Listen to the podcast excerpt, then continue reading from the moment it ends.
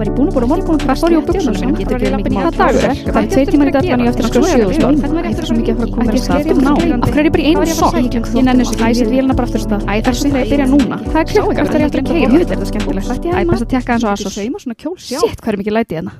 Þú ert hlusta á hlaðarpi brest. Velkomin. Velkomin. Og ekki bara, það er ekki bara við í dag. Við erum með gest. Við erum í gest, þannig að við þurfum að vera í, í við, við, þurfum að ha, við þurfum að hafa okkur. Við ætlum ekki að grípa neitt fram í. Veistu að ég ætla bara að mjúta mig.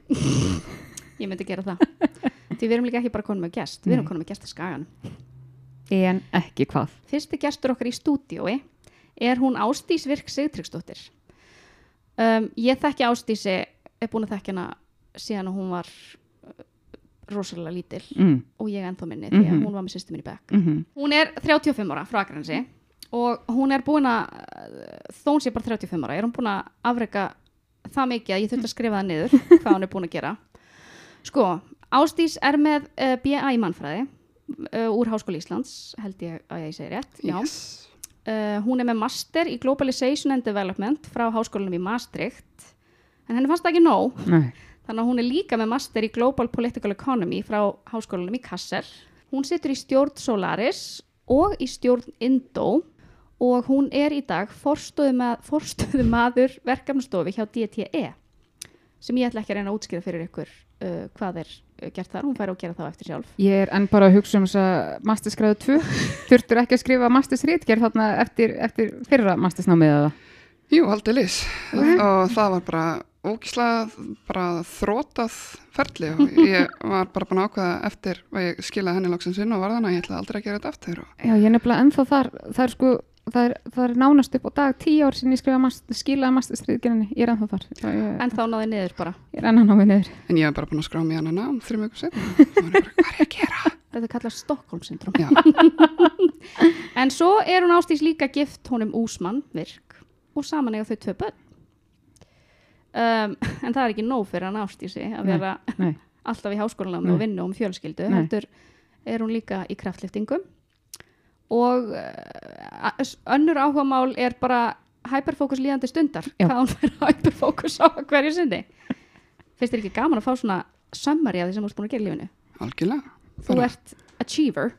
Ég var til í að hafa það með mig alltaf og svona kynna mig. Ok, það væri þetta mjög gott. Ég er að fara inn á Nú ertu bara með þetta upptöku. Ég byrju, byrju, byrju, hérna. og þú spilar ok, það verður geggjað en velkomin Ástís Takk fyrir, gaman að koma. Gekkja það, fá þig. ég, ég pínur svona sviðskrekk að því að það er gestur ég þóri að vera með látalæti fyrir, ég reyndar, það er gott að þetta er eitthvað sem ég þekki að því að annars væri ég bara, Já, ég veit ekki einhver, að maska einhver aðra mannskju en ég er í raun og veru ég get verið aðeins ég sjálf fyrir fram Ástísi ég skal taka það að mig bara.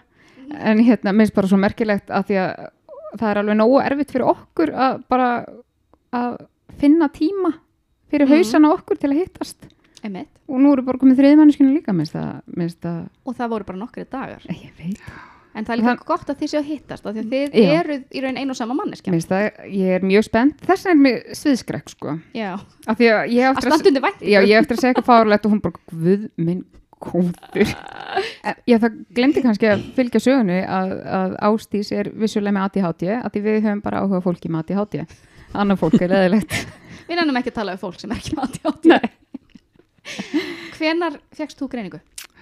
Herri, ég fekk reyningu bara hérna í þessu sama húsi fyrir tveimur árum síðan. Vill ég segja, ég er mjög tímablind.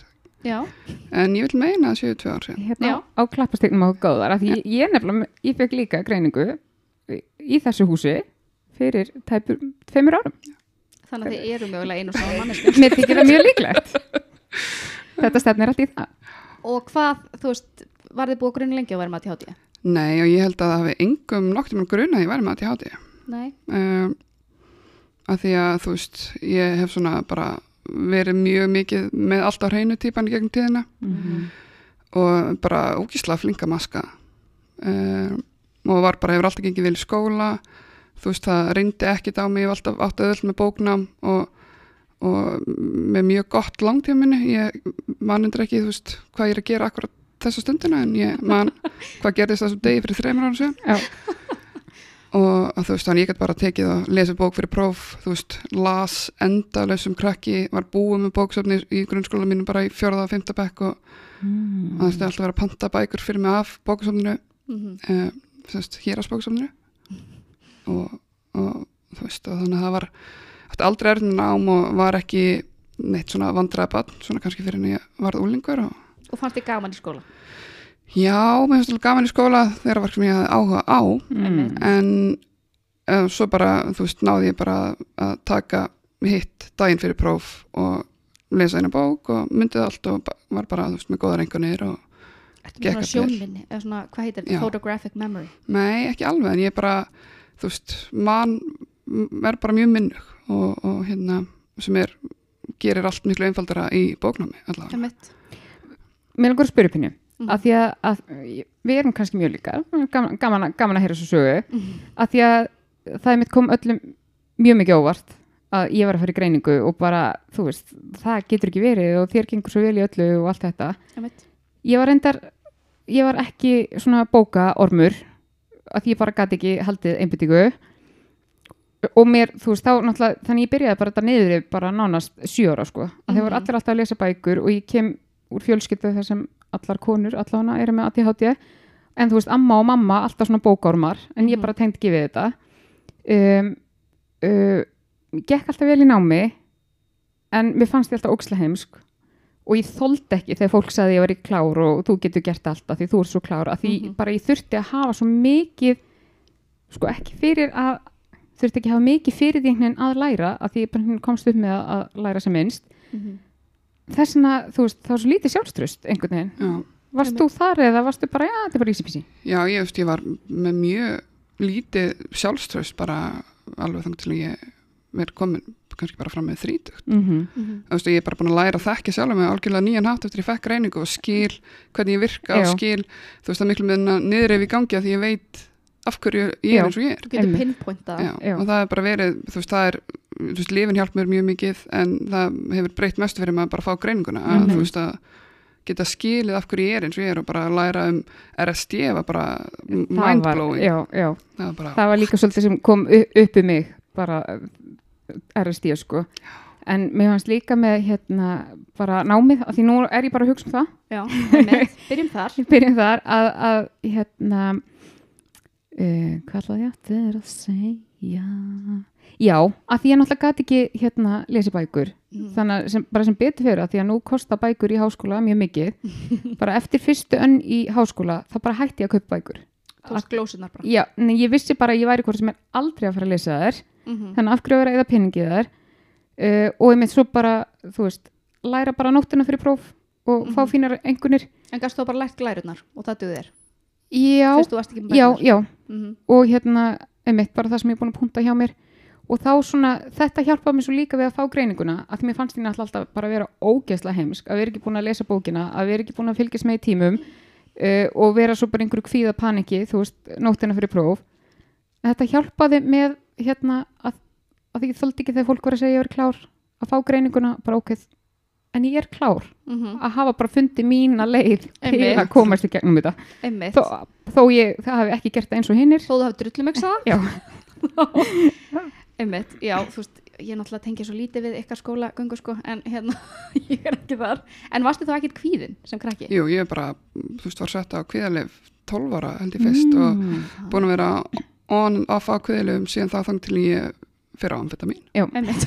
og þá var það bara nóg elsku Þú veist, amfetamínu já, bara, þú veist, ég var búin að vera sko, sveflið við aldrei geta svoðið bara fyrir að vera unga barn, Já. bara ekki geta sopnað, vakna mikið á nóttina geta sopnað aftur -hmm. Og þú veist, mamma og pappi, ég voru búin að reyna allan anskotan Já. Mhm. því ég var lítil og það bara gekk ekki neitt og, og hérna, en svo bara fyrir ég amfetamin og þá get ég lagt mig bara Fjækstu lóksinn svefnin sem þú hefur þráð allt þitt líf. Já. við þurfum svo mikið að taka svefnþátt sko. það eru allir að byggja okkur um dísan tengir ekki við það þú er alltaf að geta svo við Á, ég semst að fara að gefa bötunum amfetamin. Yes. Alveg svona. en Nei. dætuðinar, þær tengja oh, fucking svefn en hérna ok, þannig að þú, já, þú veist, þú, þannig að það er svona þegar þú varst yngri, fyrir utan kvíða var, en máli er, þegar við vorum yngri það var ekkit eitthvað svona kvíði stelpa með kvíða, það hún var hlýtur ekkert að vera með að ég háti þú veist, ef þú ert róleg, þá er Já. þetta bara ekki það var ekkit sama sem ekki að milli. Og ég líka er bara, þú veist mm, fattaði að svona setna meira, ég er bara búin að þróa með mér ógislega mikið af einhverjum svona coping mekanismum mm og það var líka bara þú veist, að vera í skóla, ég vissi hvað ég átti að gera við hverju að búist af mér Mhm. og gat, þú veist, þó ég sæti bara og væri að hugsa um eitthvað allt annað og ekki taka eftir neinu, þá gat ég allavega látið eins og ég væri að fylgjast með. Þú veist, ég man ég verið tímum framhaldsskóla, mjög sítt hár og ég var alltaf bara með headphone að hlusta eitthvað -hmm. og horfði að kenna henni að tala og brosti Mhm. þegar að ég Já. sá ég ætti að brosa og bara, þú veist, að ég þurfti að mæta, maður Einmitt. fallið á mætingu Mm og, hana, og ég vissi alveg ég myndi ekki læra neitt í þessum tíma. Heyriði, að því þú sagði þetta að vera með headphone og þú brostir. Ég, ég datt í TikTok rúnd í nótt. Birna. já, já, já, já. Skjátíminn. ég fatt, að svo taka melatonin klukkan þrjú í nótt. En, en allavega þá hérna, þá var uh, gaur að tala um hérna þegar þú ert með ADHD og ert í samræðum þú er svo, hausin er svo mikið að, að hugsa um sko hvernig þú átt að maska bara hvenar á ég að kinka kolli, hvenar á ég að brosa hvenar að segja, já, já, emmi Ekki grípa fram, ég ekki grípa Já, einmitt. já, og er svo mikið að hugsa um þetta að þú bara fungur ekki Nei. þú er svo mikið, ég þarf að maska ég þarf, ég þarf að Mhm. líta út eins og ég sé að hlusta Einmitt. Að þú veist Oh. ekkert um hvað við erum að tala. það var svo gott í hjarta, það er bara já, þetta er einmitt svona, ég er alltaf bara, býtu, er ég, er ég ekki búin að sína nógu mikla aðtikla á þetta sem ég er að gera, Já. þarf ég ekki að fara að kinga kolli það, þú, En maður samt getur þá fyrir vikið gert svo mikið í einu. Ég mein, veit ekki hvort við vorum búin að tala um þetta, en veist, ég les alltaf fyrir stelpunar á kvöldin já, og ég les heilu bækurnar og ég veit, veist, upphátt Mhm. með tilþrifum, Mhm. en ég veit ekkert hvað ég er að lesa. Nei. Ég er á meðan er ég að hugsa, Já. já, býtu, ég eftir að gera þetta. veist, ég er svona að endurskipulegja, Einmitt. svo allt í henni bókin er búin, ég er bara, Hvað? já, herðu, já, já, já, já en, en, en last þetta samt upp, sko, já, já. Að maður er svo ógæslega góður í að, veist, vita hvenær maður á að vera með hvaða viðbröð og hvað. Þetta er, þetta er dásamlegt. En hvenær byrjaði að gruna á að vera með ADHD? Eða varstu eins og Birna að þú varst bara í sálfræðitíma og hann bendir hann eða hún bendir að verið með? Sko, það er svona kom fyrst í hausanum mér þegar að vinkonum mín sem er sálfræðingur fór að tala um þú veist að konur með ADHD eru allt öðru sem kallum ADHD og það séu svo mikil vangrein hjá konur með ADHD og enginn séu allt öðru svo ég bara, nú, ég sagði því að því ADHD fyrir mér var bara þú veist, strákarnir í bekknum sem voru hlaupandi upp um alla veggi, Mhm, öskrandi mhm. þú veist, bara trilltir eitthvað neginn lærði ekki heim og drullu sama og, og ég bara, ok, áhugavert og svo var þess að vinkona mín greind með ADHD og fór að segja mér svona frá og ég var eitthvað, þetta er bara eins og ég tengi, ég tengi. er ekki með ADHD Ertu vissum að þú sért Já. með ég er, svona, ertu þetta er ekki bara lög þetta er eitthvað rugl sko. og svo var ég bara að lesa og það var bara allt bara tjekkaði öll bóks Mhm.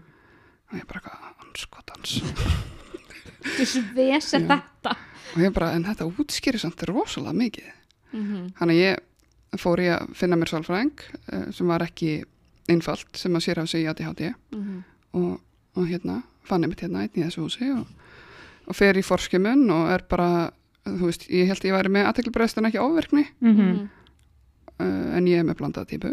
Og það kemur bara ljós í forgræningunni að ég er bara þú veist, er mjög hátt á öllum hverðum báðum einn Þú það ert er- allt ADHD já.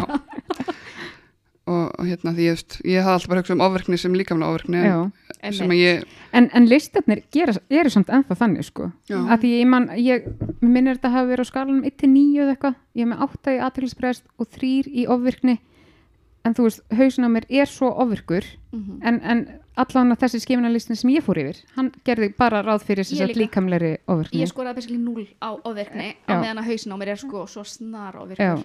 Það var allavega skimunlistum ég fór í það Mhm. var bara engin, þú veist, það var bara líkamlega ofvirkni. Já. Sko.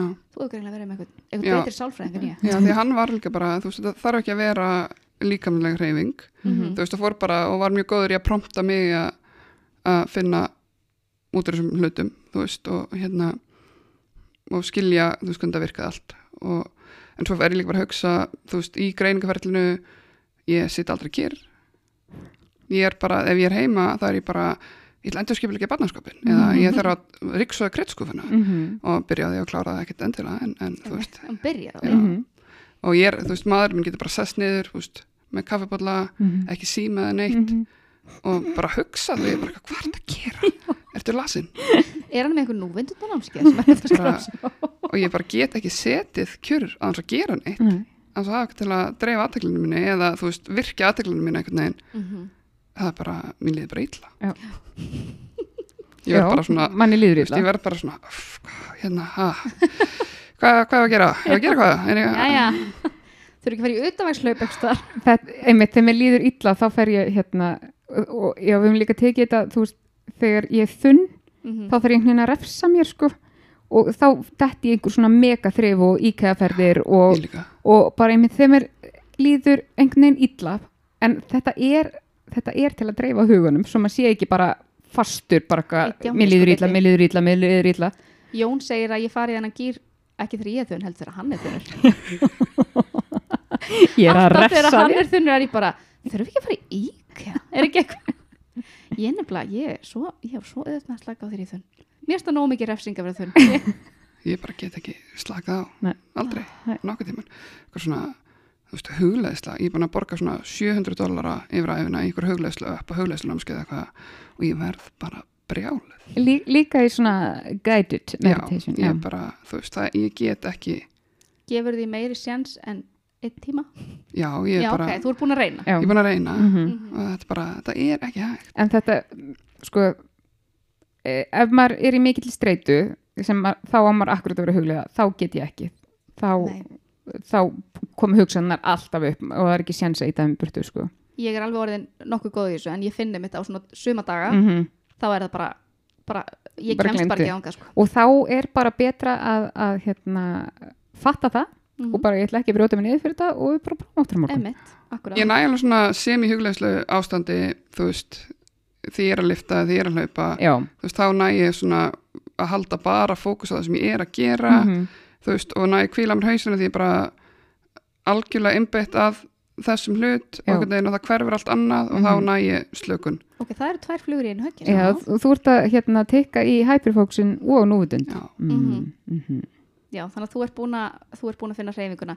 Mér finnst þess að allir með ADHD þurfa að finna þessa hreyfingu sem þau elska til að Já. geta fengið sérstaklega fólk að þú sem getur ekki setið hugleitt. en varst íþróttum sem krakki? Ég man ekki. nei, eða ég prófaði rosalega margt Mm -hmm. babitón og fótbolta og frjálsar og alls konar en það einhvern veginn, þú veist, ég er með mjög slæma samhafingu samhafingu, það er bara einhvern veginn og verð svona st- stressuð, þú veist, var bara einhvern veginn svo meðvitið um sjálfa mig í þessum aðstæðum að bara, ég höndlaði það ekki. og... Oh. En, en ertu með svona, já þú ert með kemniskap, varst þú að upplifa svona eins og ég svona, ég verð að vera best, ég, að, ég, ég er ekki að fara að taka þátt í neinu. Nema ég sé allan að næst best. það er ógislega fyrir mig að vera léli ykkur Já. en ég er svona að reyna að íta mér út í að vera gera hluti er léli, Já, en það er svona út fyrir komfort svona, mm Emmett. eins og ég fór að hérna, þú veist, ég er ekki með listrænt bein í líkamannum mínum mm. og ég keft mér vassliti um daginn og fór að vasslita bara, þú veist, bara horfði okkur YouTube-vídeó og var að mála með vasslitum og í því, en það var ógeðslega gaman já, Já, ok, þið fannst það samt gaman. Já. Mm. það var bara ógeðslega róandi, bara svona þú veist, að horfa okkur YouTube-vídeó og mála Varst þú að Bob Ross? nei, það var allt bara eitthvað svona plöntur en, en, en dastu þá ekki í einhverju svona sköpun, bara, ó, mér langar að gera eitthvað, færð, færð, ég skil ekki fólk sem er ekki með sköpuna þörf. Just, ég er mitt búin að ræða þetta mikið við vinkuna mína sem er mest skapandi mannski í öllum heiminum og er bara góð í öllu Mm sem tengist einhverju listrænu Ég væri svo til að búa í haustum á henni. Já, hún bara, þú veist, bara Við erum að tala um veru. við erum að tala um Já, meiri já. Og þú veist, hún bara frábær myndlistamæður mm Mhm. keramikar þú veist, hún getur farðað að bara allt, hún snertir verður að gulli í höndunum á henni. Mm Hún bara, þú Verið að ert, þú ert að hlusta. Steini er ennþá sár yfir að þú húðflúraður að hann aldrei. Alveg rétt, hún var í því líka. Já, og hérna hún bara, þú ert mjög skapandi. Þú veist, þú, það bara kemur út öll, þú gerir ókslega fallaðan mat, mm. þú veist, þú skrifar fallaðan texta. Já. og ég er svona, já, ok, það er kannski Mm það er kannski eitthvað, -hmm.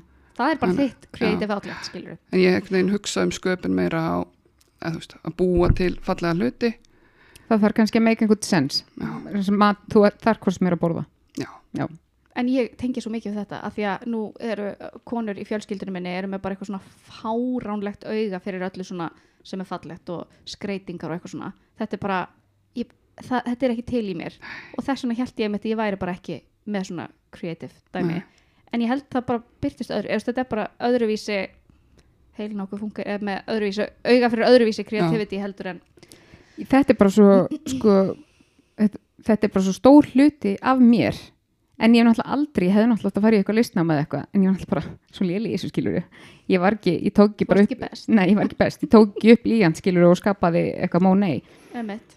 þá er alveg þetta að sleppa það bara slepp, maður sleppir því. En þetta er bara, þú veist, þetta er bara eins og ég er búin að koma að staði þetta er bara, þú veist, bara stór hluti bara mínum kjarna og ég verð að fá einhver svona sköpunar útrás þú náttúrulega ættir að vera eitthvað svona grafískur hönnuður. Ég veit það. En þú veist, veistu hvað er erfitt að komast inn í listafaskólan og þá er ég bara, neina, aldrei of seint. Aldrei of seint. Þú fórst í fór, eitthvað svona fór Já, ég semst hafði samband við sálfræðing mm -hmm. og fór bara inn á ADHD samtökinu og fann lista yfir sálfræðinga sem að sér hafa sig í ADHD mm og fann þar eitt sem að ég kannaðist við af því að hann var skóla sálfræðingurinn í skóla hjá banninu mínu. Já, og ég hef bara, veist, um, hitt hann svona á okkurum fóreldrafundum og hann bara leist sjúklega vel á hann hann að ég hafði samband og það var möguleik að koma stað á þreymur mánuð með eitthvað sem var geggjað. Hann að uh, ég fór og fór í hann sagði að það veri gott að taka fórskimun og myndi svo vinna út frá því hvort það veri ástæði til að fara í greiningu eða ekki og það var heldur betur ástæði til þess eftir bara ég flugst í gegnum Já, hana ég er alltaf, við alltaf verið góð í prófum, sko, prófast mjög vel. Þannig að ég bara, var bara með hæstu einhvern hæstu prófi og öllum prófum sem að koma eftir það. Og hérna, hann ég fekk reyningu og hann sendi mig svo til geðalegnis. Um, og eins og allir vita sem að reynda að fá að í hátíkreiningu, það er ekki öðvöld að komast að hjá geðalegni. nei, við höfum greinlega verið á sama tíma Já. þurfturu að, hvað þurftur að byggja lengi? Sko ég byrjaði að ringja út um allt og það var bara, nei, við erum ekki að taka hana byggðlista lengur, við getum prófað samband á næsta ári, ég er svona, ok, og hvað ég að gera þá? En svo hérna eh, er vinnu minn sem er búin að vera með að í greiningu mjög lengi og er hjá geðleg sem hann er mjög ánæði með. Hann hérna hafði samband við sinn geðlegni. Já, þetta er nefnilega þetta er alltaf, maður þarf alltaf einhvern klíkuskap sko. Einmitt. þetta var eins og mér Og, og hans geðlegnir ætti löngu yfir hættur að vinna, Mhm. bara komin langt fram yfir aldur og hérna en bara hefur það ekki í sér Nei. að hætta að vinna því að það getur ekki tekið við sjúklingunum hans Mhm. það er bara, þú veist það er ekki verið útskrifun en geðalegna og engin nýliðin í stjættinni Nei. hann er bara hann komin hátt í áttrætt en sko, mér finnst líka að því þú veist segja, það er, er engin nýjir geðlæknar að koma inn mér finnst ég oft hafa heyrt svona hérna, að það sé pínu svona fordómar innan sko bara hérna, lækna námsins þeir sem ákveða að fara í geðlækni þetta er, það er svona last resort sko. Aha. mér finnst ég hafa já, ég veit það ég, ekki. ég held ég heyrt það líka. Það, þú veist það er svona, þú ert ekki að vinna með líkamann. Já, Svona- þú er bara svona pínu skottulæknir, bara skil. Þú ert búin að fara í gegnum þú veist, læknanámið og endar svo í geðalegni Já, En þetta er líka að vinna rosalega mikið með okkur ADHD fólkinu sem að Ó- eru margir margar ára að byrja óbúðslega. að séu mér sér fordómar kakar læknar já, Já. já, Shit. já, En þú hefur sérst komist að hjá honum. Ég komst að hjá honum og hérna og ég var með mikla livjaforduma mhm, ætlaði sko aldrei ekki að fara að liv mhm, ætlaði bara að fá okkur bjargráð og redda þessu sjálf eins og maður kynir Já. Og hann sagði nei, þú ert bara príma kandidat fyrir líf, það er bara alveg á hreinu að ég hátíð hefur neikvæð áhrif á lífið þitt. Mhm. ég er svona, hvað er þetta að? Hvað, Það er bara Það og er ekki hérna, bara löt. Og, og það var svona því að veist, ég hafði ekkert ekki gert mér grein fyrir hvað þetta hafði mikil áhrif. Af því að þú veist, ég er bara búin að finna svo mörg bjargráð sjálf, Mhm. þú veist, ég er bara ef að, ef að þú, allir sem að þekkja mig halda, að ég myndi segja ég væri bara sjúklega skipulögð Já, svolítið ferkönduð með allt á hreinu. Ó, en það er bara því ég er bara búin að koma mér upp kerfum já, til að halda sjálfur mér í skefjum veginn, Einmitt. til að halda utan um lífið mitt. Og það verður bara ógísla þreytandi. Já. það tekur Mhm. ógísla mikla orku Mhm. og, og krefst rosalega mikil svo, svo, þú veist, var ég bara eftir að ég fór í fyrsta viðtali á honum hann staðfesti greininguna og vildi setja mig lifa og ég sagði nei. Og þá var ég bara en ég er bara, þú veist, ég er bara að vera búin þetta er bara, eftir er að- í ég- að klárast Já. ég er bara eftir endi börnáti mm. -hmm. ég bara, veist að ég er ekki komið tvö börn mhm, þú veist, heimili í mjög krefjandi vinnu. Það var bara, ég var bara ekki ná að ná tökum á því sem ég hafði getað haldið utan um sjálf með mínum björgraðum þangað til eitthvað neginn þannig að ég fór aftur að bara, ok, ég skal prófa.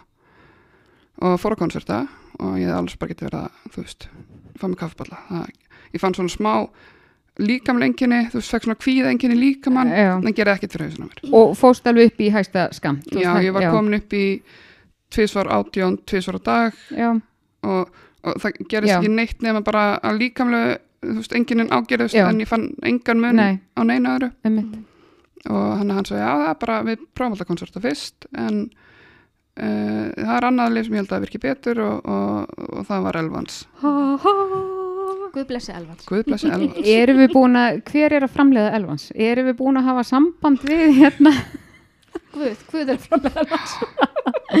já. og hvað gerðist þegar þú byrjaður á Elvans ég byrjaði á bara 30 mótnana mm -hmm. og hérna og bara allt í einu fór ég að geta svona, þú veist, stoppa sjálf mig því ég fór að fara út um allt. Já.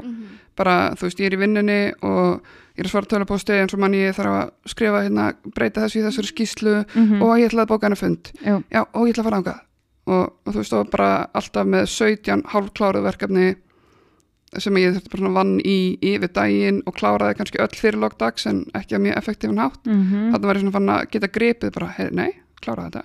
Emitt. Skrifa þetta niður. já, og já, gera það eftir en við klárum þetta núna. Og var bara svona farin að geta þú veist, gripið sjálfa mig í óreðinu sem er í haustum á mér. Já. og geta skipilegt þannig, þú veist, haustunum er ennþá bara á miljón mm þú veist, ég var svona svolítið að vona að ég myndi taka lif og það myndi allt þakna í haustum á mér. Mhm. bara á mill, milli 9 og 10 ætlaði að skrifa skýrslu. Það væri næst en það gerist ekki, en Nei. ég fór svona að geta þú veist, stjó, haft meiri stjórn á óreðinu Mhm. og það var mjög frelsandi Já. en ég fór svo, þú veist, fekk mjög slæm svona, mjög slæmt krass á 30 grömmum mm, 30 grömmum, 30 milligrömmum Brútal Elvans skáttur.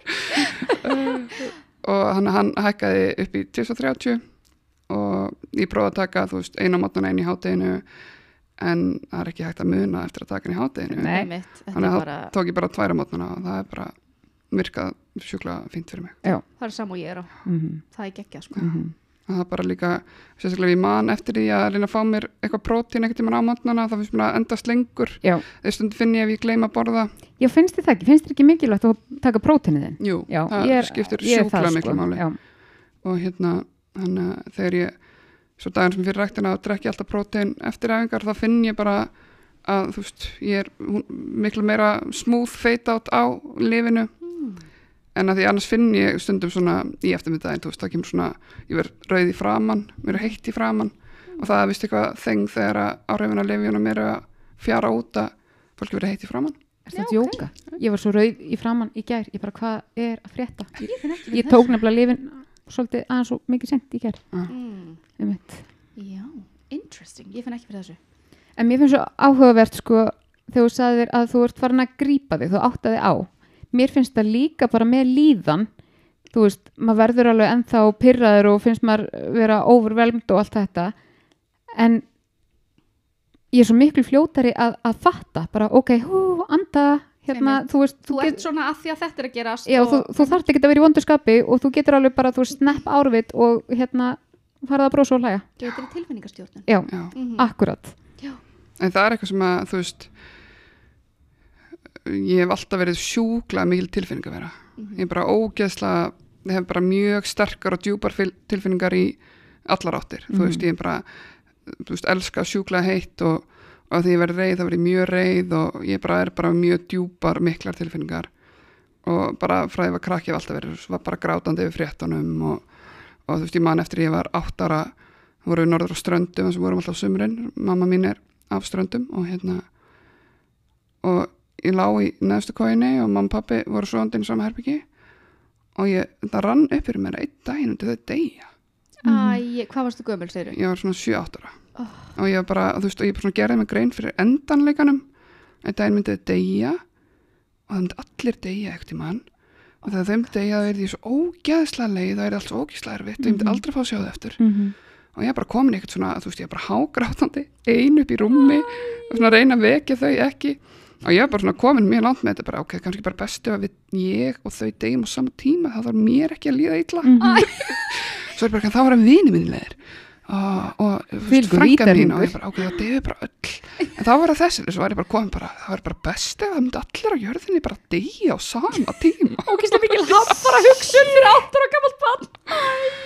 en sko fimm ára svona minn segðan daginn bara, þú veist, ekki með tilfinningarnar í þessu, hann var bara búin að hugsa þetta svo mikið bara, mamma þegar þú ert dáin og pappi dáin og amma og sískinni mín þá ætla ég bara að deyja mig sjálfur og ég bara, veist, þá er þetta bara hann bara nennið ekki, sko. Ó, já, börnum mín eru núna nefnilega í svona, sérstaklega Emilia, er í svona, veist, það er alltaf að hellast yfir hana. Þetta, þú veist, að einhver tíman, að það deyja allir einhver tíman. mm Og þú veist, þetta er bara, uh, svo er þetta svo erfitt að, þú veist, tala við fimm ára barn, bara eitthvað svona, en einhver tíman deyrð þú. já, Þú áttir að sofna fyrir einum og hálfum tíma síðan. en við skulum ræða þetta. en mér finnst, þú veist, að því ég skil þetta svo vel og það er svo auðvelt einmitt að fara í, í hérna, bara hamfarnar Mm Þannig að ég mitt tók þetta, þú sýnir hvað elvans er að virka á raukhugsun og ég Mm. bara, já, ástu mín, það degja allir, bara alveg eins og flugurnar er að degja hérna heima hjá okkur og bara þessna þarf maður bara að, hérna, að hugsa vel með lífsitt og, og hafa gaman og ekki vera að hugsa um þegar það leiðilega gerist einhvern tíman. Ég endaði á því að segja upp börnum mín að kannski myndi einhver tíman finnast upp eitthvað að fólk þyrfti ekki að deyja. En mitt, Ringið í barnavend núna. góð, rauk, góð raukhugsun, það En ég hugsaði, þetta var húst á degi 19 eða eitthvað sem þær vildi ekki fara að sofa kvöldi til og voru alltaf að ræða þetta kvöldin og ég hugsaði, ok, þetta er eitthvað tráma sem ég er að búa til fyrir börnum mín en mun ég þurfa að díla við það? Nei, Nei. Jón mun þurfa að díla nei, við erum búin að ræða þetta aftur síðan Æ, ég, ég bara æ. keifa það smá undan, undan álægi er mitt. en ég nefnilega mann mjög, mjög eftir þessu sko, þegar, að svona, þegar maður svona áttaði á því hvað heimur getur verið hræðilega staður Mm þú veist að hérna þetta einmitt að vera með svona mikið tilfinningum er En, er þetta þing eða er bara hausin á mér? Fáið þið ekki svona panik eða feng, ég, meira svona sem bad, þið fóru að hugsa um geimin? ég, ég, fæ, ég fæ ennþá panik Já, þú veist, að, það ég, bara- að því að þetta er bara svo, þú veist, get- er hann bara endalaus og ég bara, ég, þetta er svo overwhelming. Mér finnst ég nefnilega einhvern tímann að hafa séð eitthvað tengt þessu og ADHD. ég veit ekki hvort þetta sé ADHD en ég var, þú veist, ég var ekki smákrakki sko, ég var alveg örglega 13, 14 ára eða eitthvað þegar ég bjóð úti Mm. og við vorum að passa hund uh, stjúp ömmu minnur og afa og ég var að lappa með hann úti að kvöldi til og það var sjúklega stjörnubjart. Mm og og ég var að lappa með hundin og ég var svona að horfa upp og þá heldist þetta yfir mig, Já, bara geimurinn já, ég veist það aftur inn, ég var Já. svo hrætt. Þetta er bara, þú veist, þetta, þetta er, það er svo ó, allt sem er svona overwhelming, þetta er bara, Já, þú veist, bara við erum að horfa á eitthvað ljós sem var, þú veist, fyrir biljón skriljón og þetta er bara eitthvað endalaust. Þetta er líka bara eitthvað það er ekki hægt að ná utan um þetta þá það bara þarf ég ekki að þegar svona minn spyrum um daginn mamma, hvað er geimurinn stór? Og ég var ekki svona Endalaust. þannig ég fór að sínda um vídeo sem er verið að þú sína veturbreytur okkar og sólkerfið. Býtu Og svo- hann verður 8 ára núna í mars. Já. og hann er mjög mikið að pælingum og bara, eru til geimur? Og ég bara, það er ekkert geimur eins og við vitum af en það er, það er bara miklar líkur að það sé lífekstur annars þar því að alheimurinn er svo stór. Um, og hvað er alheimurinn stór? Og, og þá er þetta vídeo sem að sýnir hérna, þú veist, sólkerfið okkar veturbrautina, aðra veist, aðrar stjörnuþokur og þyrpingar og þú veist, þetta eru svo brjálæðislegar fjarlæðir og þetta er bara sem við vitum af. Um þú veist, það er öruglega eitthvað miklu meira og það er, þetta er samt svo stórt að það er ekki nokkur möguleik að ná utan að það og hann var orðin bara "Uh," og ég var eitthvað, já ég veit það ég veit það Mér líður ennþá svona Nei, þannig að þú varst allar tilfinningar en eh, að því að ég glemdi að spyrja hann eftir að fórst á fegst ADHD-greiningu mm Mhm. gastu þá hætt á kviðaljum? Já. Já. það var bara, þú veist, ég hef eiginlega ekki fundið kvíða síðan ég byrjaði á lefinu Mm og það, Það Ég- er magnað og hérna En ég held að það sem er tengt þessu, að maður getur snapp Þú veist, Mhm. maður fest ekki í svona Einmitt. ofhugsunum. og það var bara, hérna og það er líka bara ástæðan fyrir að ég get ekki sofið, ég hef ekki getað sofið af því ég get ekki slögt á hausnum Mm Mhm. og bara frá því að ég var þú veist, ég var lítil og lasi mig alltaf bara að sopna með bókina á andlitinu Ég líka af því að ég gat ekki leið og fara að sofa Nei. það var ekki fræðilega möguleik, ég þurfti að þú veist vera að einhvern veginn Dreifa aðteglinni og huganum Já. til að ég hætti að hugsa Mhm. og núna ennþá í dag þá þú veist ég horfi bara á, eða horfi ekki, ég hlusta á Gilmore Girls Mhm. en ég fara að sofa að því að nóga leðilegt veist það og það, ég er bara með mjög stranga krítaríu fyrir þáttum sem ég hlusta á það eru svona þrjár hljóðbækur sem ég svo svona millið að Gilmore Girls og það er ekki þú veist, aggressíft introlag Nei, það er ekki hlátur, svona, svona kent hlátur. Og þær tala á þínum hraða þannig að þetta er auðvitað svona fullkomið. Já, og þú veist, það er ekki mikið öskrum og Mhm. svona háaða sem að svona uh, vekum upp einhvern veginn. ég að- notaði sko hérna Friends í mörg ár af því ég kunni þættina utan að og ég hérna ég kveikt á Friends og snýri mér á hinn hliðina Já, Mhm. og bara lokaði augunum og þú veist, þetta voru kannski þá tvær mínútur eða eitthvað sem svona. Einmitt. en þú veist, ég get ekki frends að það er alltaf aggressíft introlagið Já, ég get nefnilega ekki hort á það, þú veist, ég var pyrruð inni í mér, sko, veginn. og þú veist, ég get ekki skrítið. það er bara, og hérna, introlagið er ógislega aggressíft og það er svona gerfilhátur inn á milli Já, og ógislega mikið að látum mm þú veist, að ég er svo, þú veist það er bara, það Netflix Já. er farið að spyrja, ertu, ertu já, hérna? nákvæmlega, Og- þessna, hérna, þessna finnst mér svo gott að bara kveikja einhverju podcasti og ég bara stilli, bara Já. slökna eftir fimm minútur, að ég veit bara að ég mun sopna. en sopnið þá með Airpods Já, ég, ég reyndi með Airpods en ég var alltaf þeim, þú veist, fyrir aftarúmið eða eitthvað Mhm. hann ég er sko með, að því að nýju símandin er alltaf ekki með jack-tengi Mhm. sem er að mest pyrrandi heimi hann er eldgamlan brotin síma sem pappa átti sem er með, með headphone-tengi sem að ég Ah. Er náttbár símin og, og ég hlusta í með hefðbundum heyrnafónum Þú, er, þú ert ekki meðvitað að hafa síman ekki inn í herbergi, þú ert bara með náttbór síma. Yes. Og ég skil svo vel. ég fæ svona, ég, ég gæti aldrei sopna við eitthvað inn í Air ég, ég, er alltaf Ég með bara- ég sé- í öðru sko. ég sé á hliðinu og það er bara á hliðinu sem snýr upp. Já, þú veist, það er ég er þannig líka sko. interesting. Mm þannig að þetta er, þetta er live á Og fyrir alltaf, eða þú veist, ég, ég er náttúrulega uh, nota ekki Apple-vörur, ég er ekki siðblind uh, þannig að þú veist, ég er bara með svona Samsung Buds, þú veist, alltaf í öðru eiranu og sé á hinnu og svo byrja ég alltaf alla daga að leita, leita að Já. Mm. þetta myndi aldrei gerast það er svona gott að vera með, með, með Nei, ég, snúru, ég er snúru. náttúrulega bara, ég er náttúrulega bara nefnilega. kveiki bara, where's my eitthvað, di, og það bara pípir Mm. Mm. en ég nefnilega, einmitt sko, þetta er sniðut að vera með bara með snúru, þú veist það fer ekki neitt Nei, ég er þetta svona er stundu búin að vefja eða anstum halsunum verið mögulega að kapna en ja, ég er ennþá á lífi þannig að en sem komið er minnst kosti. Ah, það þarf líka að vera eitthvað þú veist, ég þarf að hafa hort á það áður eða hlusta á það áður. Mm það má ekki vera óspennandi þannig ég, þú veist, fara að hlusta mm Mhm. það bara kveiknar á mér og Mhm. ég er aldrei að fara svona það vera bara svona, ég veit nákvæmlega hvað er að gerast, mér finnst það ekki spennandi. Ég hef engan áhuga því. Það er rosa gott svona- að sopna við TikTok. Nema svo fattar maður að maður er allt í þú veist að því það bara sagt, það lúpast að spila bara alltaf aftur og aftur og aftur. Og svo Sá kannski, já, þanga til maður svæpar ég myndi þannig að svo fattar maður að maður er kannski búin að bara eitthvað búið í gangi, þú veist, þú klíð tvo tíma Já, ég get ekki, eða, sko ég sopnaði alltaf við sjómarp áður, þú veist þegar ég var einn alltaf, einmitt kveikt á frends mm Mhm. En svo býðum manni sem að sko hann höndlar engin ljós. Nei, þú veist, hann bara, þú veist ef það er svona smá sem að sér út skilur á myrkvagardinum þá er hann bara uh, mm ég er þannig að ekki, ég gæti sofið í bara, veist, dagspyrtu sko. Ég, Já, ég get alveg, en þegar það á að vera dimmt þá á að vera dimmt. Mm, og ég þarf alltaf sko, það er uh, sjónvarp inn í herbyggja okkur sem við reyndar notum eiginlega ekki. En ef maður er búin að vera að horfa á það þá þarf ég alltaf að hérna, standa upp til að taka úr sambandi af því það er alltaf svona smá ljósrönd á því. Bara gott að maður er ekki svona alltaf ekki en samt eitt sem ég hérna hjá eftir að því þú veist að tala um að, að þú veist komið svo rosa mikinn hérna bara svona mekanisma bara hvernig ætt, maður ætti að, að höndla lífið. Ég held að maður þurfi líka að því við erum alltaf svo oft rætt um að líf er ekki hérna svarið við öllu sko. Því meður að þegar maður er komin á lif þá held ég maður líka þú veist bara til að geta dreigið úr hérna streitu og, og öllu því að læra að lifa upp og nýtt bara Mhm. að því maður er alltaf bara vanur að gera þetta svona svona svona.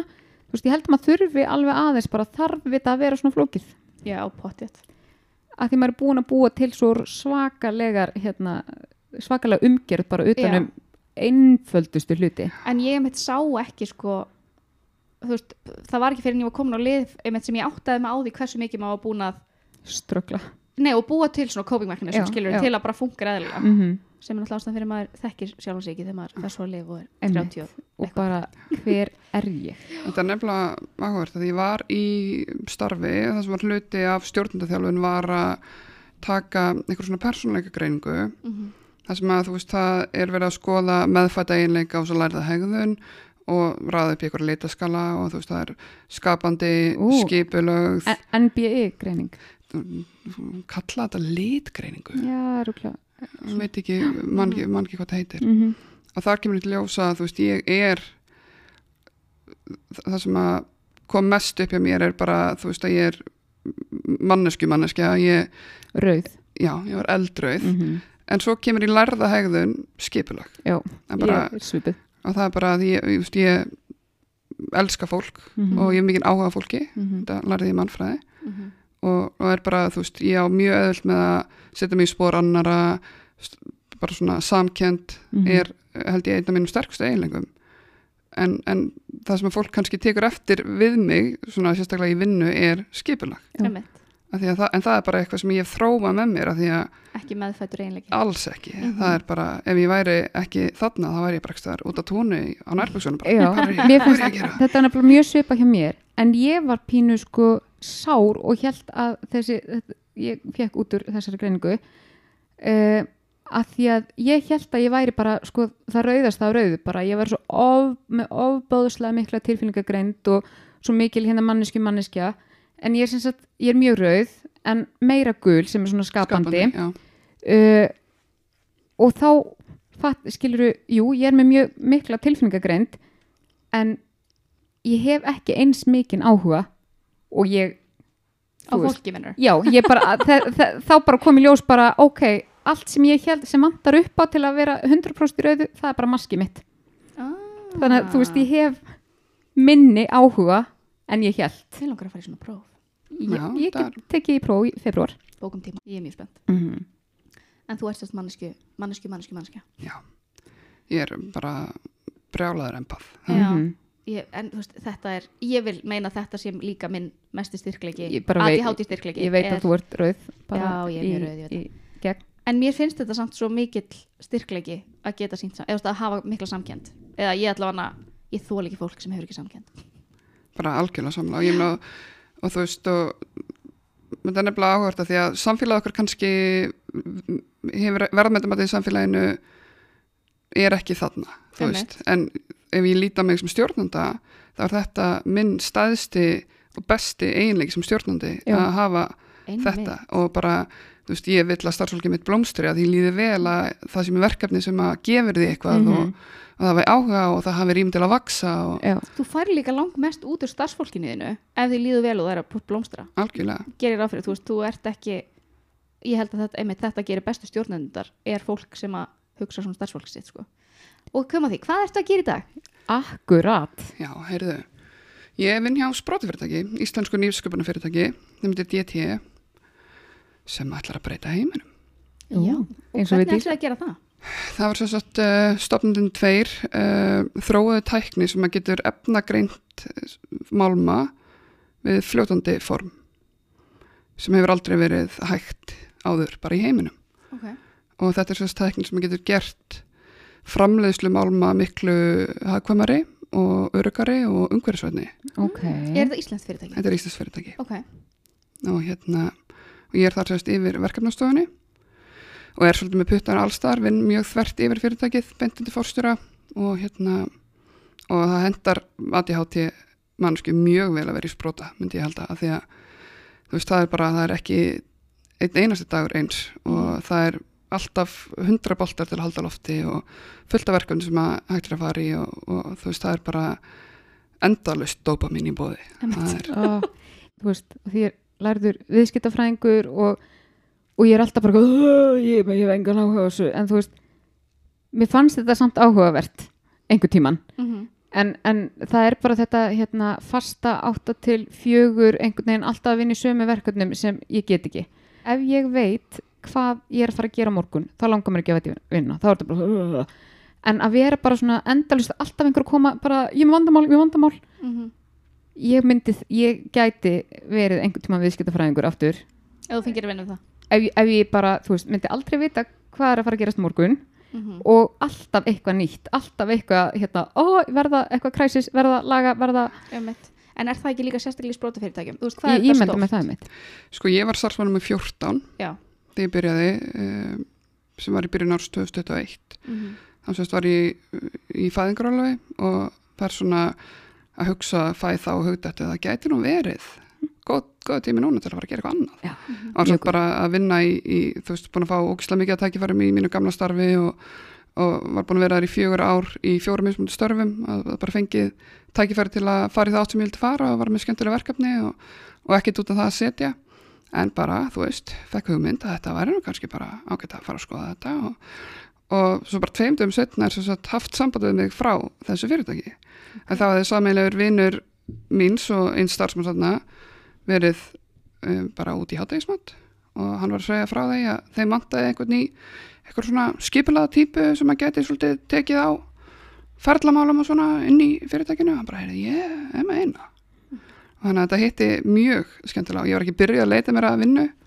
Það bara kom. Og hún bara kom til mín og ég bara, ok, til ég að skoða þetta. Og þú veist, fannst þetta kannski ekkit sjúklað spennandi fyrst þetta var eitthvað svona ál, mér finnst ál ekkert spennandi Einmitt. álver, það er ógislegt Ég er umhverfinni. ég er umhverfis Já.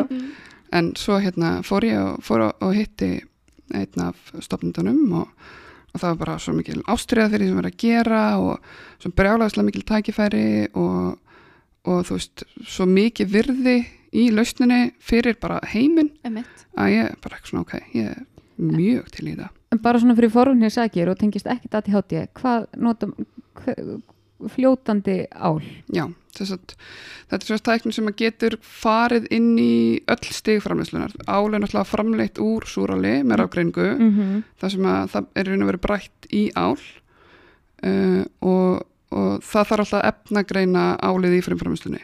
Það er efnagreint á mörgum stigum í álveranum, í kerskálanum það sem að frumframleyslan fer fram, svo er greint í deiklum líka sem er þegar að vera að tappa úr þessum kerjum það sem álið er búið til og áður en það fer í steipuskála sem að álið er steift í einingar svo, inn í norðurál?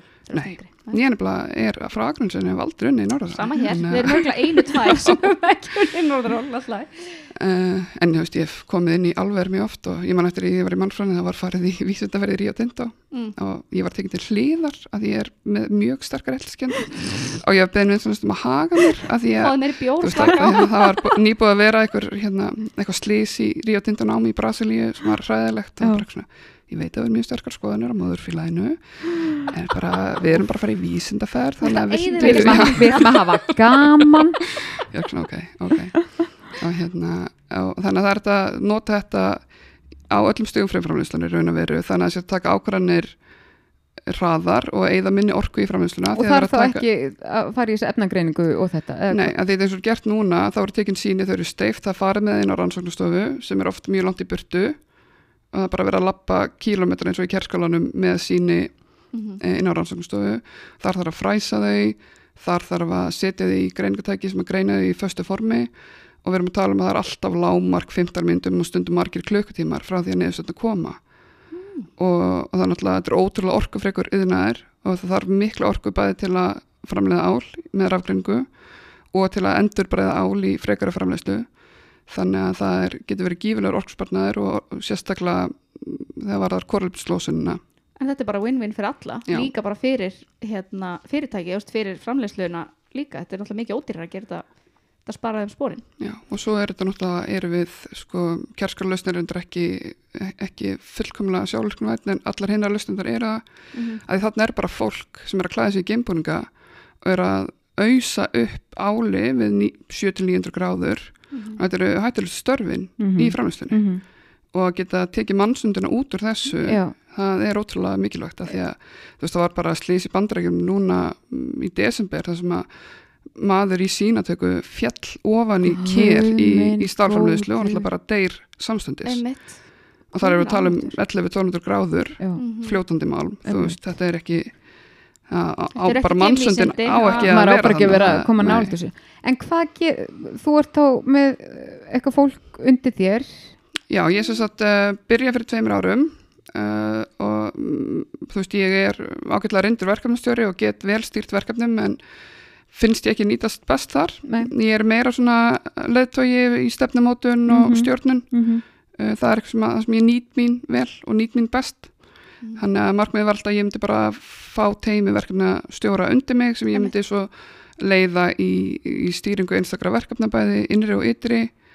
Og hérna uh, og ég væri meira þá í stefnumótun og, og stýringu. Mhm. Það er svona hælavel stýringu á, á verkefna portfóljónu og, Og er þetta þá ekki bara hið fullkomna starf? Þetta er geggjað því að ég reyndar var að ráða teimitt bara þau byrjuði í janúar tæpla, eh, tæpla tveimur án setna Já, en ég er búin að vera einsmanns deild Já. uh, er búin að vera svolítið mikið að gera. Erum með mikið af stóru verkefnum. En svo er ég líka bara því ég er með frekar breiðan bakgrunn uh, er náttúrulega hagfræðingur og er mannfræðingur og hef verið uh, fengið tækifæri til að stýra stórum deildum og, Mhm. og taka þátt í stórum stefnumóta verkefnum áður þannig ég er bara búin að vera í öllu þú veist, í mannuðsmálum sem að ég brenn mjög mikið fyrir fá tækifæri til að móta stefnu og, og vinna með með mannuðstildinni þar mannuðstildinni sem að er ein mannskja verða Mhm. tvær á Já. morgun Ná, hérna, en þetta er einmitt svo mikið að, þú veist, að það allt þegar maður reynir að draga upp styrkleika fólks með ADHD að því við erum með svo breytt áhugasvið, við höfum prófað svo margt við höfum hérna góð í alls konar. góð í alls konar, Mhm. góð í hérna svona krísum þannig, þannig að við erum svo góði starfsmenn. Og þess vegna er held ég líka að vera með svona fyrirtækjum frá byrjun að þú færð að vera með puttan í öllu Já. þetta er svo mikill kostur í staðan fyrir að vera í einhverju þúsund manna fyrirtæki veist, þá er maður, veist, það er bara ekki hægt að gera annað en að setja fólk bara í út kassa. Nei,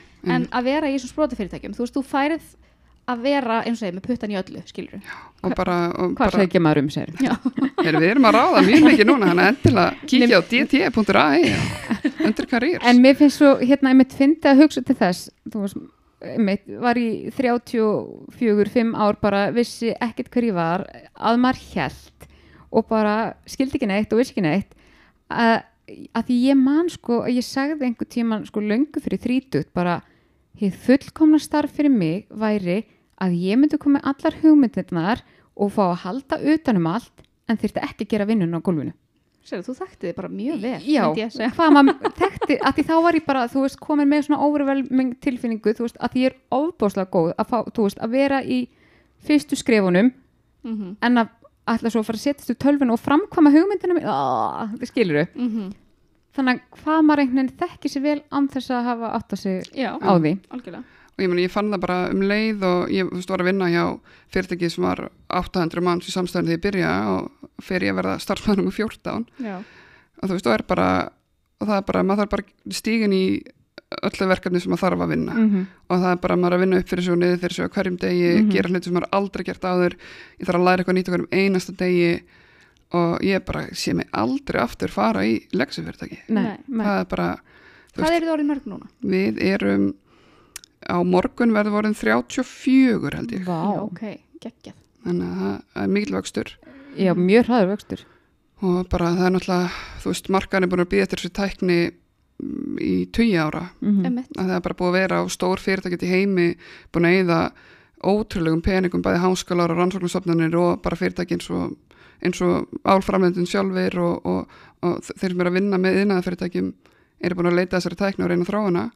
Mhm. en svo eru bara tveir íslenskir verkfræðingar sem að fengu þessu hugmynd þess að annar þeirra er 100% með ADHD Fólki með góðar hugmyndir Já, með. og, hérna, og hann hafði bara verið að horfa á fyrstu Mars rover lendinguna og þar er verið að nota þessa lipstækni sem er sérst laser, verið að efnagreina í gegnum laser. Og hérna svo akkur, akkur gerum við þetta ekki ál? Þá verið báður að vinna fyrir verklæðistofu í íslenskum alverum, bara í verkefnum og bara þetta lítur að virka. Þarna var þetta koma í veg fyrir ótrúlega mikla sóun og, og bæta öryggi og veist, þetta Þetta er líka bara svona eitthvað sem allir græða á, basically. bara allir og hérna og hann var bara fekk hæperfókus á þetta Mhm, uh, og, og það er ástæðan fyrir að við erum það sem við erum í dag. Og það er Mhm. bara þú veist, það er ótrúlega mikil eftirspurn þetta er ekki heldur bara álverðin sjálf því svo er þetta uh, þeir sem eru að endur vinna ál mhm. af því það er ótrúlega flókiferli af því þar ertu ofta að bræða eitthvað skrapp upp og þú verður að hafa mjög ákveðna efnasamsetningu í, í vörunni Mm. að því að það eru bara mismunandi melmi á mismunandi einleika fyrir bíla, viltu hafa svona melmi fyrir drikja, dósur viltu hafa svona melmi í gemferðir, þá þarftu allt annað Er verið að gera það í Íslandi? Já. Já, ok. uh, þess að ekki vera að bræða Já, Ek, ekki, vera endurvinni, Nei. allt, allt endurvinni er alveg sendt út en við erum til dæmis við, við erum með tæki í bandarækjunum í endurvinnslu Mhm. og þau sjá bara fram á að geta aukið framleysluna aðeins að þurfa bæta við neinum tækjabúnaði eða breyta neinu öðru með okkar tækni uh, um alltaf 10% og að geta aukið magn af endurinu áli í sinni framleyslu uh, um kannski 10-15% líka og það eru Vá. bara, þetta er ótrúlega stóra tölur af því að það þarf 5% orkunar til að bræða ál og endurvinna miða við það sem það ert í frumframleyslu Ég ímynda mér að það sé líka bara svo mikið dópamin í því bara í því að það er eru að vinna að einhverju sem hafa eftir að breyta bara einhverju í öllum heiminum. Mhm. algjörlega Ég ímynda mér að það gerir nógu mikið dópamin til að bara, ú, ég ætla að mæti vinnuna í dag. Og sérstaklega fyrir mannski svo þig. og bara fyrir, þú veist, já, ég er bara með réttlætskend sem að nær út fyrir öll heilbreyðmörk held ég og geta, þú veist, fundið tilgang með því sem ég er að gera að því það er það sem skiptir mestu máli þú veist, laun og staða og eitthvað svona, það er ekki eitthvað sem að gefa mér dópamin en það er að hafa tilgang, að, veist, ég er að vinna eitthvað sem skiptir máli Þa, það, og það er það sem sko. skiptir öllu mál og það er það sem hefur drepið mig í mörgum vinnum sem ég hef verið í bara, mér er bara alveg sama Mhm. þú veist, ef ég vinn vinna mína vel og þetta gerist mér er, það skiptir mér bara engu máli Nei. það snertir enga tög hjá mér og þá er maður ekki með kvatan til að En þetta er líka kostun við það þegar maður er búin að fá greiningu og maður actually kemst að því hver gildi manns eru, þú veist, Mhm. fyrir hvað maður stendur. Að já, þau eru búin að heita markþjóla góðan markþjóla að hérna, að veist, að er að, að vita þú veist, eins og þú, þú ert bara búin að finna eitthvað veist, þetta tikkar í öll bóksið þín, skilur þú ert að fá að vera að gera eitthvað fjölbreytt, þú ert actually að gera eitthvað sem skiptir máli. Þú veist, þú ert að þú ert að fylgja réttlætiskendinniðinni þú veist, að þetta þú veist, fólk, að því að vera að tala um að fólk að vera að greina og marga og eitthvað en verður við ekki hundra svona betra samfélag ef, allir, ef fólk fær að gera það sem að er actually að hvað segir maður uh, Kveikir í því. sem er fulfilling, bara, bara, skilurðu. bara næra þú veist, Mhm. gildið þeirra eða kjarnan eða, eða hvað sem það er skilur Einmitt. að því að uh, þú verður að hafa tilgang Mhm. allavega, allavega ég er að tala út frá sjálfur mér sko, allavega fólk með aðtíð þú verður að, og ég held að séu allir betri starfsmenn ef þeir vita hvaða tilgang þeir hafa já, sko. Þú veist, bara og mér fannst einmitt þegar þú talar um hérna, laun og staða og allt þetta bara þegar það er bara mesta aha moment lífsmýns þegar einmitt var í markþjálfun ég skrifa einhvern svona lista og bara allt með þetta á listanum. Ég, ég er mjög góð í því, ég, þú veist, góð í því en finnst þetta gaman? Og það er svona "Ah, nei! Að taka þú veist, þú veist það sem eru góður í, það sem maður heldur að skipti máli bara versus hvað bara hvað fyrir. hvað ég brenn fyrir. Mhm. og það, veginn, það er svo mikið element sem skiptir öllu máli fyrir mig allana Akkurat, en sko að því að nú voru að tala um húst, af hverju svona sprótafyrirtæki eru geggjuð fyrir fólk með ADHD en hvað gerir fólk með ADHD að góðum starfsfólki? Sko, þetta er nefnilega ótrúlega góð spurning að því við höfum alveg lent í því að við erum búin að vera í hröðumæksti og búin að vera að ráða mikið að við höfum fengið inn fólk sem sem umhverju bara hendar ekki mm -hmm. veist, Mhm. því það er kás Já. og það þarf að pivota stundum oft á dag bara Mhm. þetta verkefni er í fyrsta forgangi nei, við erum farið fjármögnun og Mhm. þetta er viðstöfinir sem að skipta meiri máli fyrir fjármögnun við þurfum fara all hands on deck hérna í þetta núna mm -hmm. þú veist, það er bara kaos og það Það er er lítill struktúr og það þarf bara að geta unnið í þannig aðstæðum og fyrir marga þá hendar það bara alls ekki Mhm. veist, það bara, já, það er bara þú veist, að fara í vinnuna og veit ekki hvort það var að gera eða hvaða verkefni býða þeim eða hvernig en dagurinn það er. samt, ef við tökum litagreininguna það er fyrir hérna grænt fólk, þá þarftu að vita hvað er ég að fara að gera morgun. Þú getur ekki bara Já, sömur þrýfast bara best í algjöri rútínu. Það er bara, og þetta er bláhvert að því að við erum búin að vera að ráða fólk núna undarfarta mánuði og það er mikið af fólki að sækja mjög okkur sem er að koma frá sprótafyrirtækjum sem eru komin talsveit lengra en við. Já. komi inn þegar að þessi fyrirtæki voru á svipum stað og við erum á núna. Hmm. og nú er þetta orðin bara svona stór fyrirtæki bara, komið komi struktúr á það? Já, og það, bara, það er ekki gaman yngur nei, Nei. ég vill bara vera kortir í burnout. Já, alltaf. Að bara að þessi verið hringi við þrjú á nóttunni. Já, og veist, ég sakna þess, það er bara, mér vantar aksjón já, En fyndið. og að þetta verður, verður bara fík. Já, að fólk vil bara vera í þessum aðstæðum alltaf. já, en þetta er ógislega krefjandi að það, að það bara þarf rosalega mikla seglu og það er, þú veist, ég horfi á stofnendun okkar sem voru verið þarna í tíu ár og í gegnum, þú veist, brjálaða tíma bara í gegnum fjármögnun og enga fjármögnun og sækjum styrki og lifa á styrkjum og mhm, þú veist, virkar tæknin, virkar hún ekki búin að fara í gegnum ógísla margar hingi með allt einhvern veginn og það þarf bara rosalega sterk bein. Mhm. um, til, að halda áfram í, í Eh, þessu. en þú segir sterk bein. Uh, er það þá samt ekki trúin? Þarft þarf ekki að vita að þú ert með eitthvað sem er að fara að gera eitthvað? Jú, ég, og ég held að það sé og, og þú þarft að vita það bara innan kjarna. Þú, er, þú ert ekki með eitthvað fúsk í höndunum þú veist að þú ert Einmitt, þú þarft Algjörlega. að vera, vera mjög, hafa mjög mikla trú á verkefninu held ég til að geta staði í svo harki, sko. og ég er ekki viss um að þú veist þú veist það eru kannski fáir sem að meirluti startupa feilar. Mm og, og hérna og það er bara eins og það er. En ég held að sé líka oft bara að fólk hafi ekki úthaldið sem að þarf.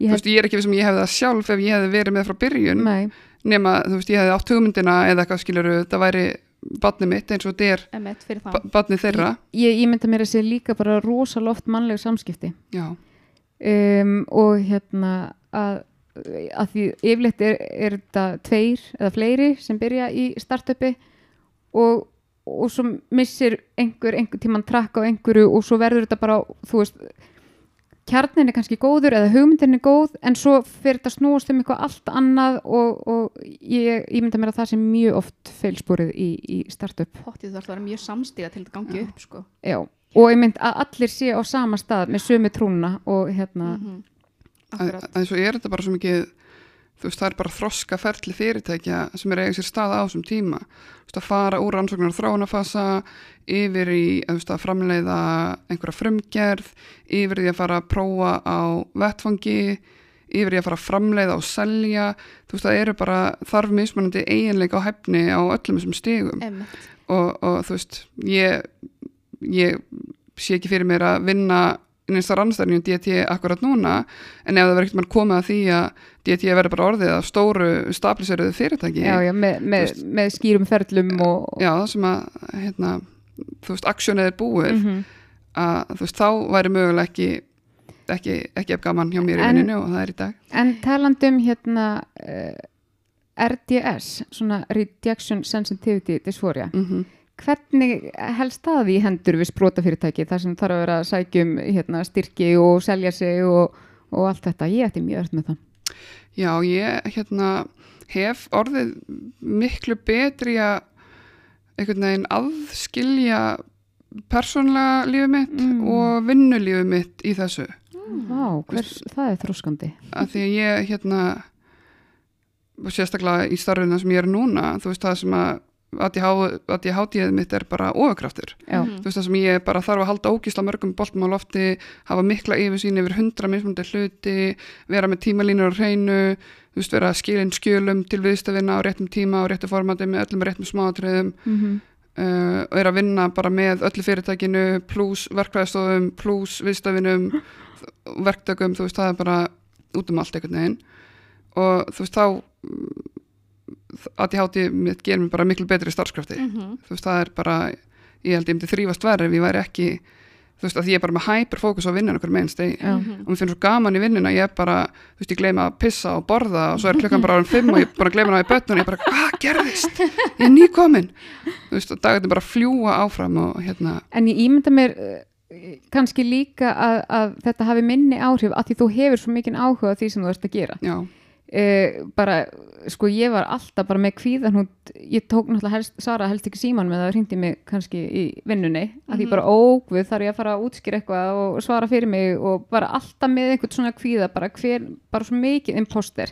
En það var kannski líka að því einhverju marki veit maður upp á sér sökina því maður hefur bara ekki hennan áhuga Einmitt, þú Til þarft að vera að- brenna fyr, sko, til Já. að geta haldið svona mörgum boltum á lofti Ég- og til að vera svona þarna sko. Þá þarftu bara að vera að gera eitthvað sem að þið finnst geggjað Já, og þá ertu ekki með þessa hræðslu bara að upplifa höfnun, bara já, einmitt, ég er örgulega heim, sko, ég er að segja, þú veist, að þú veist, þú ert með svo mikla ástriði fyrir þessu að þú veist, ég, ég er, að gera rétt ég er algjörlega. með þetta á hreinu. og ég meina, og ég veist, upplifað mjög hart imposter syndrom í gegnum tíðina. Hvað, hvað er aftur íslenska hugtækið? lottara, Lottara líðan já, þetta er eitthvað svona Já, það var mjög eitthvað svona fyndið en bara og þú veist að ég fannst alveg skrítið því ég var ráðinn til DT þú veist það var svona vita þau, vita þau ekki? Vitað ekki ég að fá þetta og hérna já, þau komast að því? ja, því, að þú veist, það voru ógíslega margar umsóknum um stöðunum minn og ég eiginlega sótti heldur ekki um einmitt, þú veist og, og hérna og ég er ekki mentaður verkefnastjóri ég er bara, ég hef tekið um, námskeið og veist, á ykkur certification, ég er ekki með MPA, MPM eða neitt. Mm en ég verið var í mínu fyrra starfi að stýra mjög stórum hugbúnaðverkefnum Já. um, og bara, þú veist, hef náð mér í mikla verkefnastýringa þekkingu en, en ég líka, þú veist, þetta var staða sem var meira um að stýra verkefnastjórum heldur en að stýra verkefnum þannig að, að það, ná, sem stjórnandi hef ég þetta hljómar eins og svo geggjur staða, sko. Já, staða uh, og hérna, og sem stjórnandi hef ég bara mjög gott track record og það er eitthvað sem ég hef unun af að fá að Mhm. vinna með fólki og hjálpa því og styðja það og, og hérna, það er eitthvað sem gefur mér mjög mikið en ég náttúrulega var að koma verkefni sem ég hef verið að stýra voru hugbúnaverkefni Já, ég hefði aldrei komið nálagt hardververkefnum, þú veist, við vinnum með vélbúnað og hvað þá í yðnaði Mhm. en svo með kennst maður að því að, þú veist, það er ekki það sem skiptir máli, Nei, eða ím, ímynda ég mér skilur, auðvitað þarf þetta einhverja þekkingu, hérna. en þú þarft ekki að kunna allt 100%, það er líka þetta að treysta á annað fólk, sko. og það er líka bara, svo er ég bara núna get ég talað um ál bara klukkutíma saman, ég vissi eiginlega ekkert um ál Einmitt, fyrir tveimur ára síðan. Þú akkurat. varst bara í vísindaferðum að, að eðalega stemminguna og dólkslátt og, hérna, og ég mitt spurði hérna, sem sagt, stopnandan sem að réði mig um daginn bara, akkur er réðstu mig? Og hann bara, já, það var bara viðhorfið þitt. Mhm.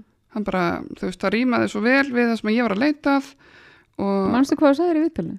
Ná, já, já alveg, alveg eitthvað og hérna, en bara þú veist þú bara hafðir bara líka bara svona skýra stefnu, þú, þú vissir hvað þú vildir Mm -hmm. og hafðir líka bara sterkar réttlætskend Mhm. og, og mér finnst bara, þú veist, mikið af þenni reynslu var það sem að mig vantar Já. og það bara, fannst þú vega það mjög vel upp og Mhm. fekk bara tilfinningu fyrir að myndir ekki ekki láta að vaða yfir þig, þú myndir standa fyrir því sem þið finnst rétt og, Mhm.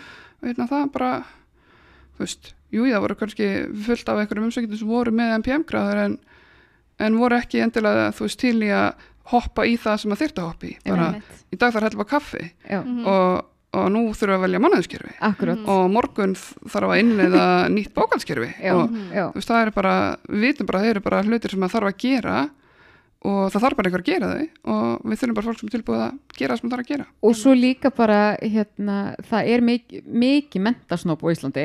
Mhm. Uh, þegar maður átt þessi að, þú veist, ég, ég ætla ekki að segja að allir geti farið í háskólanám. Það er Mhm. bara, en, en það er miklu, það er miklu auðveldara að fara í háskólanám og, og fá, þú veist, einhverja nælu bara, ég er með þessa gráðu en að, að sína það svo í starfi og maður veit að svo, þú veist, auðvitað hjálpar það manni að komast í starf ákveðin störf þegar þú ert með einhverju gráðu en ég ætla hann að veita fyrir sjálfa mig að, að sko, það sem ég er best í kemur ekki frá háskóla Einmitt. það er ekkit sama sem merkja á að vera góð nei, það er bara að vera, þú veist, að vera mannlegur að vera með reynslu það segir svo miklu meira en að hafa, þú veist, lært fyrir nótt frumlesið gögn fyrir Mhm. einhver próf sko.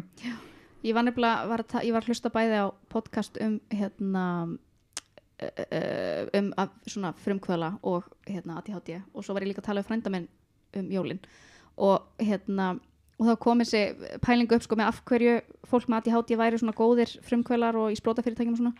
Að hérna í grunninn eru við bara veiðimenn og safnarar. Og að fólk með ADHD að þetta eru veiðimennir og í staðin fyrir núna að þú veist, það þurfum við að fara og veiða mat fyrir okkur. Þú veist, að þá er þetta ennþá heilin er bara þannig hérna výraður að við erum alltaf að leita að einhverju til að gera heiminn auðveldari og betri og þetta. Og þetta séu það svona hinnur fullkomni frumkvölar þú veist, af því að þú þarft að hafa þetta heilnáður, þú veist, þeir eru heilná okkur eru öðruvísi heldur en í öðru fólki. Og að þetta séu bara, við tikkum í öll bóksin til að breyta heiminum. Mhm. það er líka, þú veist, með mentunina þá, þá horfður á fyrirskona mína þá myndi hagfræðigráða mín líta verðmættist út á blaði Já. en það sem ég nýti mér okkar minnst deg er mannfræðin. Veist, það er bara, það líka kemur inn í þú veist, ég, mér gekk sjúklega vel í háskóluna mig. En það var ég í háskóla með hyperfókus að deyja úr áhuga á því sem ég var að læra. Já. Þú veist ég, mér gekk ágætlega gegn framhaldsskóla það var ekki krafist, þú veist, kröfunar voru ekki það miklar og, og hérna ég gæt bara skeitaði gegn það og einhvern veginn að þurfa að hafa mikið fyrir því, Mm bara að lesa daginn fyrir próf og þú veist, vinna ótrúlega vel tímpressu, Mhm. rítgerð á tveimur tímum, Mhm. miðnætti Mhm. Bestu rítgerð sem ég skrifa Mhm. Og þær bara- eru í alvörun bestu og hérna og það en, en svo þegar ég fór í nám sem var krefjandi það var langsins komið brjálaðan áhuga á því sem ég var að gera Já. Og það var, þú veist bara ég bara þrjú ári mannfræði og ég, þú veist, ég á ennþá alla bæknir í tími ekki að selja þær, af því að þær eru svo ógeðslega áhugaverðar Já. og ég nota mannfræðina, þú veist, bara af því að þú veist, það snýst um að mæta fólki á þess að setja þína reynslu og þína þekkingu á þau Mhm. og skilja fólk út frá því sem það er en ekki út frá því hvað þú ert Já. og með þilmenningulega bakgrunn Mhm. og bara etnografíska rannsóknarfyrir, þú veist, það er bara eitthvað sem ég nýti mér í raun og veru á hverju minnst degi Mhm. Og það bara, þú veist, og það hefur gefið mér sjúklega mikið.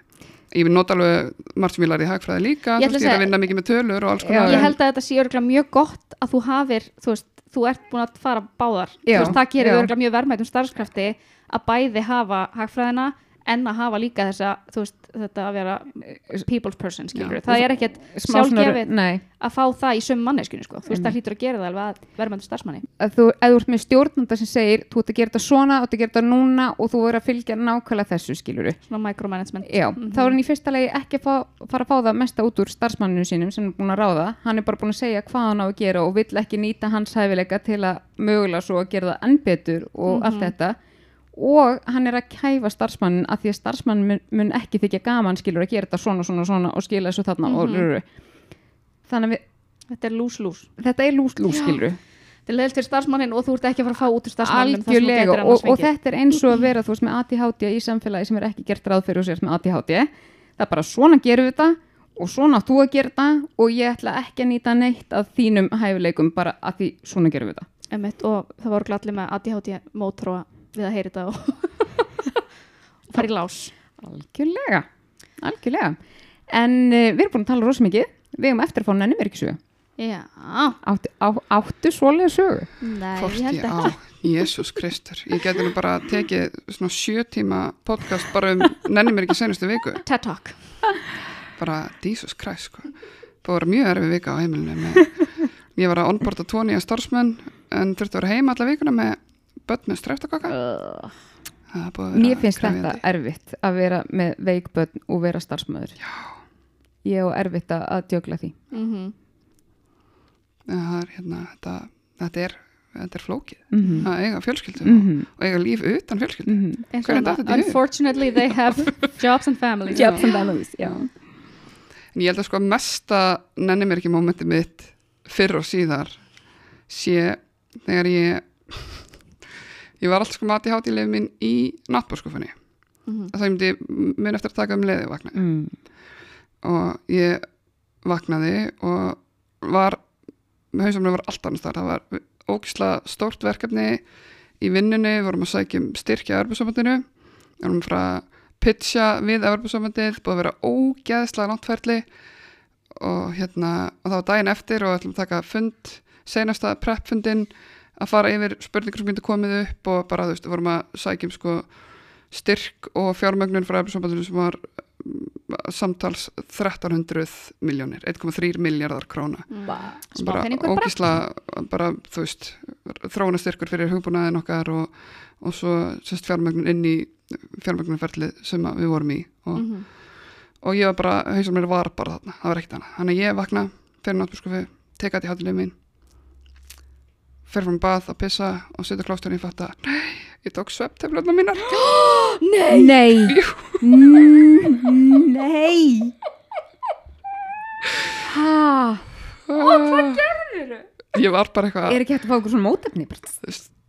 Jú, kannski. Amfetamin. ég var bara á ég, þú veist og ég bara að cancela þessum degi? Á ég að taka meira á þetta hátilegur mínum? Hvað á ég að gera? En ég enda að taka bara venlegan skamt og auka eins koffín neysluna og var svona svolítið slói en Vist það krakkar, þetta verður ekkert mál. ég var svona satt í klóstunni að ég, ég geri bara hluti og svo hugsa ég eftir á veitu hvað var ég að gera. Emmett. að ég bara, Þú ert bara allt í nú komin í einhverju aðstæður og veist ekki hvernig þú komst þarna eða bara, veist, ég bara er bara á autopilot einhvern veginn, þú veist, líka mér er bara að gera hluti og hausar mér fylgir ekki alveg eftir einhvern veginn. Og svo er bara, þetta voru svolítið stærri töflur sem ég var að kynkja Shit býttu, hvað box tók ég, ég tók bláa boxið Oh. já, ætla, já, ég þarf að fara aðtöga því ég er með svona daga Mhm. Emmett. svo ég, að ég ekki sem ég muni þótt ég standi með vasklas og ekki. töflun í hendur bara er ég búinn hvað, hva, og þá hafði ég tekið seflið mín Oh En, my bara gott að God. var sér smá melatonin svona Emmett. En þú varst örglega samt. Þú varst örglega svona miðjupunkturinn fyrir alla þennan dag. Allir bara yfir og þú bara, vitið það krakkar, ég finna að þetta verður allt í lagi. Mér finnst þetta reyndar hjálpa með elvans að því það eru svo skærar á litin Já. að, að þá get ég farið aftur þegar ég hugsa bara, já, ég held á ekki hvítri töflu ég var ég var með bleik, bleik, bleika já.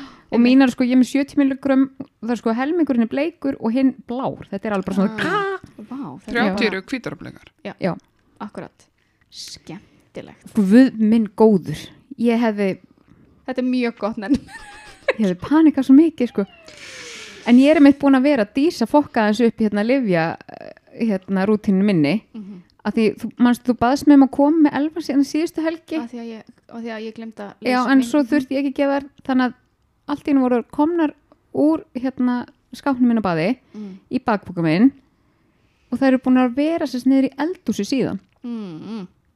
Ég það er bara- ekki mjög erfitt að fara með þær aftur upp Nei, þannig að núna er ég búin að í, vi, í vikur er núna búin að vera að taka sem þegar ég fer niður og bara já, er mitt lifin og þá þú er ég ekki að fara með þær aftur upp veistu það?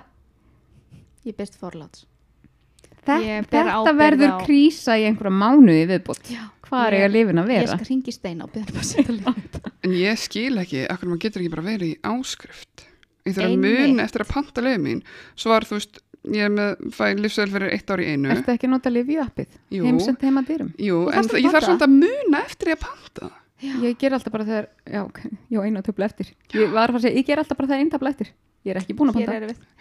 Og, Ég og er hérna, sammála. að því að, að að því að svo er ég bara svona, er ég ætla að reyna að muna, ég má, má leysa út núna, pantaði seinast, ég átti fjóra töflar eftir og þá get ég panta núna og þá, þú veist, á ég buffer. En Einmitt. hvernig er þetta bara, er þetta akkurat bara 30 dagar? Eða, hvern, ég hef ekki látað þetta reyna. Hversu Ég- snemma getur maður pantað? Ekki hugmynd. Nei, En þetta er náttúrulega, þú veist, ef maður týnir livjónu sínum, þá er eiginlega held ég bara nánast ekki hægt að, það er bara eitthvað mega vesin, að því þetta er náttúrulega, þú veist, talið, þetta er alveg bara mjög eyrnamert lif, skilur, og mátt ekki, Við erum dópistar. við erum dópistar. Mm. En svo núna rann lífsæðli minn út 14. desember. Mhm. Fjölundalöfseðlin og ég ætlaði að muna að taka senast að ég átti sem sagt, einn mánuð eftir Já. að leysa út á hann Já, myndi það náttúrulega ekki. Mhm. og svo er ég bara 15. að vera búið með liðið mín og ég bara fuck. Og ringir reknir bara svona hérna vendur alltaf endur nýja leyfseðlin það er svona já en þú átti nú átti hérna tvo eftir. Já ég út af nýja glemdi það er svona já Já, þetta, það er að taka smá stund, það er betra að vera fyrr í þessu.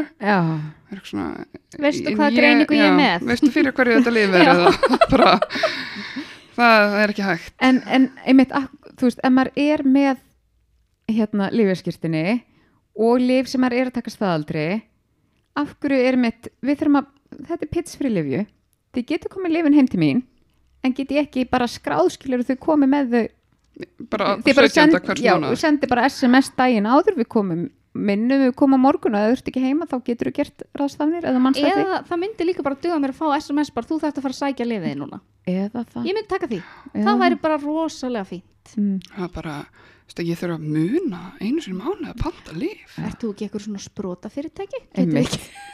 einmitt Hætti nú einbyttakar hans um málmum og það er það sem skiptir máli. Þú veist, ég set, ég er með allt í körring í kalendar sem ég er að gera eins og mánuði. Mm en svo bara snúsa ég notificationið Já. og það er bara farið.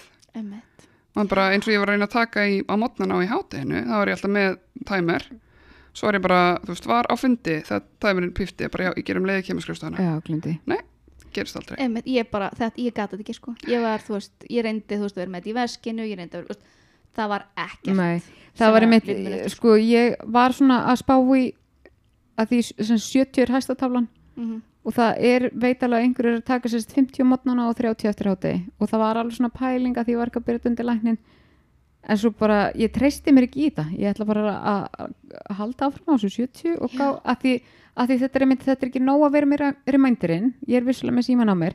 En þú veist, er ég heima, er ég út í búð er ég skiluru í vinnunni þú veist, Mhm. hvar er livjaglasið Þú veist, þetta er bara þannig að þegar remindurinn kemur, þá þarf ég eiginlega að vera með glasi í höndunum til þetta gangi, sko. já, Sem að ég er aldrei. Nei, að, þú veist, ég lappa inn í eldhús eftir að fá rýmændir og ég kemur í eldhús og ég bara, hvað er ég að gera þetta? Já, emitt. Er ég að fara að setja í uppdæluna? Örglega, já, bótt þetta og svo er ég bara Já. klíksmyndu bara, Já. tók ég lim Já, Ná. en mér finnst þetta lif samt sko gerir svo ofbúslega mikið fyrir mig að, að þetta er eiginlega að fara að koma svona inn í vöðva minni bara ég verð að fá þau strax. Já, að, að því minnst líka þú veist hva, hvað finnst ykkur þau vera lengi að kikkin hálftími klukku allavega, ég myndi segja innan við klukkutíma. Já, Já, ég svoleiðis. klukkutími, klukkutími einn og hálfur. Já, þannig að þetta er alveg bara svona ég vil að ég vil að hausum eru komin í lag bara sem fyrst. já.